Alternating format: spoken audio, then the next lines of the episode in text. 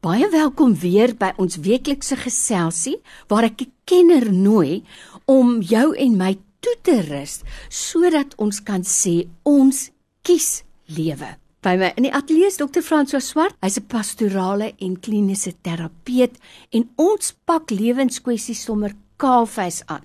So baie welkom en dankie vir jou tyd. Dankie Lorraine en hallo aan al die luisteraars. Ek het 'n moeilike kwessie vandag. Ons lees mos nou in Esegiel die sondes van die vader sal nie meer aan die kinders toegereken word nie en die sondes van die kinders nie meer aan die vaders nie. Daai tyd het die profeet al gesê omdat die pa suurdrywe geëet het, gaan die kind se tande nie stomp word nie, nê. Nee. Maar tog, selfs in vandag se tyd sien ons jou kind kom in oneer om een of ander rede pleeg 'n verskriklike daad. En nou verguis die mense die ouer. En die ouer boet eintlik vir die sonde van die kind. Dis eintlik regtig 'n baie hartseer saak. Hoe pak 'n mens daai kwessie aan? Ek weet eers waar begin jy nie. Ja, dit is baie hartseer en dat ons so wreed na mekaar kan kyk ai, as ouers ai. en ons weet almal almal wat nou in luister, baie van julle is dalk ouers en julle weet, dit is nie maklik om ouers te wees nie en as jou kind deur 'n proses gaan wat jy nie regtig 'n aandeel aan het nie en jy word nou beskuldig daarvoor. Mm. Dit is dis pyn. Uh, dit is uh, 'n uh, gewigtige onderwerp, maar ek dink ons kan dit altyd aanpak Lorraine vanuit 'n geloofsperspektief. Mm. Ouerskap is 'n roeping. Ouerskap is iets wat nie almal van ons beskore is nie. Dis 'n voorreg. En as ouers doen jy jou bes. Ons ouers is gebroke, ons maak ook foute. Maar dan is daar goedes wat baie keer inspel in terme van maats, vreemde invloede. Mm. Dit is maar die hedendaagse ontploffing in terme van kennis en waaraan ons kinders blootgestel word. Dit kan traumas wees van kinders wat hulle op 'n jong tyd tref. Maar dit kan ook bloot net wees dat kinders 'n swak besluite neem teen die wil van hulle ouers in en dan in geweldige moeilikheid beland. Nou wanneer jou kind in 'n situasie beland waar hy dalk tronk toe moet gaan of 'n geweldige eh, straf moet ondergaan in terme van 'n hok by die skool of hy word van 'n kursus afgegooi of hy sodanig dat hy dalk met bende geweld besig is in ons gemeenskappe weet ons eh, bendes speel ook 'n mm. rol daar kan selfs misdaad uh, verbonde wees aan jou kind dink ek dis baie belangrik in 'n tyd soos daai dat die ouers sal agterkom wie is hulle ware vriende. Mm. En dit is die katalisator. Wanneer dit swaar gaan met jou en wanneer dit swaar gaan met jou kind en jy is betrokke by jou kind en nou word jy verguis as ouers dat jy dan nou nie jou plig gedoen het nie of wat ook al. Is dit belangrik dat jy vir jouself gaan afvra Laat ek introspeksie hou. Waar het ek gefaal? En dis waar dit handig is om dan na 'n kundige persoon toe te gaan. En ons praat van die narratiewe metode deesdae. Alles is gekoppel aan 'n verhaal. Daar's 'n storie hoekom daardie kind daar geland het. Daar's 'n storie oor hoe jy 'n ouer vir hierdie kind probeer wees het deur die jare. En dit is goed om dan na iemand toe te beweeg en ons die verhaal dekonstrueer en jy kry bietjie 'n vas oog uh, en oor van 'n ander persoon. En sê nou maar goed, kom ons kyk wat kan ons hier uit leer? Mm. En dan begin ons sorgvuldig bou aan 'n uh, ondersteuningsstelsel vir jou as ouer, want jy's nou getraumatiseer mm. in terme van wat met jou mm. kind gebeur het. Jy self voel jy het misluk. Jy het skuldgevoelens. Dis hier's 'n klomp temas wat dan eintlik professioneel aangespreek moet word. Nou weet dokter François, ek sê altyd ek probeer my sit in die skoene van daardie ouer. So 'n daad is vir jouself verskriklik afgryslik.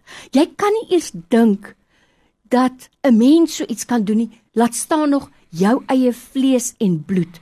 So daar's al klaar vir jou 'n eerste straf en 'n pyn en 'n lyding.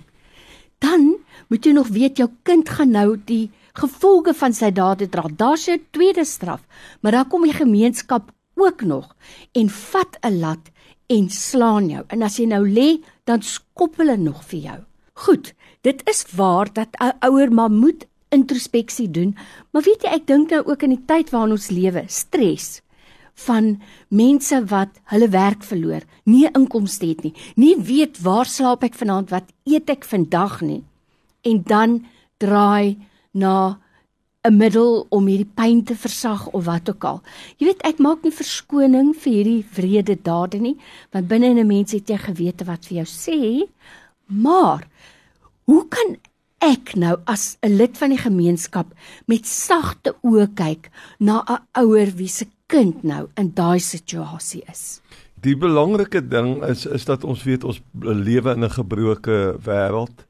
Jy noem die ding van werkloosheid. Jy raak net aan substansie. Baie van ons mense wat in hierdie koue deesdae onder brûe lê, mense wat tragiese verhale het. En dan hoop ek ek hoor vir jou reg, maar dit sou vir my sleg wees vir ons as geloofsgemeenskappe dat ons wrevelagtig geraak en mm. verwytend en met skerp oë na hierdie mense kyk.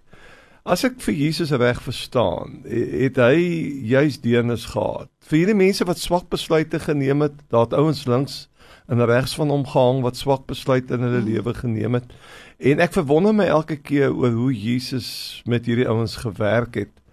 Nou ons het hier in die Belwel omgewing het ons die mesaksie, die Middestad uh, evangelisasie bedieningsaksies. Oral in gemeentes is daar aksies, kosprojekte, Daar's opheffingsprogramme by Disa wat 'n mens kan kontak wat 'n welsynsorganisasie is.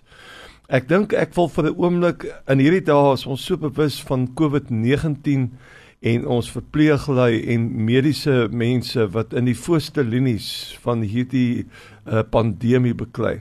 Maar ek wil 'n lansie breek vir al vir al ons maatskaplike werkers. Mm. Is daar een 'n beroep is persoonlik, dis maar 'n persoonlike siening Lorraine wat ek geweldig vooragting het, is dit uh, juis vir maatskaplike werkers. Mense wat 'n roeping het wat met min bronne tot hulle beskikking bereid is om by hierdie mense wat verkeerde swak besluite geneem het te gaan sit en met 'n rehabilitasie te begin. Ek was deel uh, van 'n projek toe ek uh, vroeër uh, in my lewe ook uh, by gevangenisse En hoor net wat is die woord wat ek noem, gevangenisse. Mm. En toe word dit korrektiewe dienste. En ek dink dit uh, gee eintlik vir ons die gees van Christendom dat ja, ons weet van swak besluite, ons weet van sonde, ons weet van die gebrokenheid. Maar ons uh, trek nie ons neus op vir die uitdagings nie. As iemand misluk het, uh, het ons nie die geaardheid om hom in die grond in te trap nie. Mm. Maar ons as ons nie self weet hoe om dit te hanteer nie, sorg ons dat ons ten minste daai persoon by by mense uitkry wat wel weet hoe om hierdie situasies te hanteer. En ons as gelowiges kan altyd bid vir hierdie mense. Ja. Ons kan altyd uh, vir hulle aanmoedig en sê wat se bronne het julle nodig sodat ons julle hande sterker kan maak. Maar hierdie programme dan om terug te kom dan by die gevangenisse of die korrektiewe dienste. Jy weet mense kry diplomas binne gevangenis opset. Hulle verwerf grade. Daar is ook mooi verhale te vertel in terme van mense wat se pad heeltemal verkeerd geloop het. Alles het uitmekaar uitgeval, maar hulle het hulle het dit oorleef en hulle is koninkryksmense vandag en hulle bring aan God al die eer. Nou by my in die ateljee Dr. François Swart, hy's die kenner wat met jou en my gesels oor lewenskwessies in hierdie geselsie kies lewe. Dr. François vir jou tyd vandag weer baie baie dankie. As ek nou iets wegneem hier, dan is dit dat ek ook vir die Here moet bid dat hy vir my die hande en voete van Jesus maak, ook vir iemand wie se kind gestruikel en geval het, dat ek regtig met 'n sagte hart na hulle toe sal uitreik. Vir jou tyd vandag baie dankie. Dankie Lorraine en sterkte aan al die luisteraars.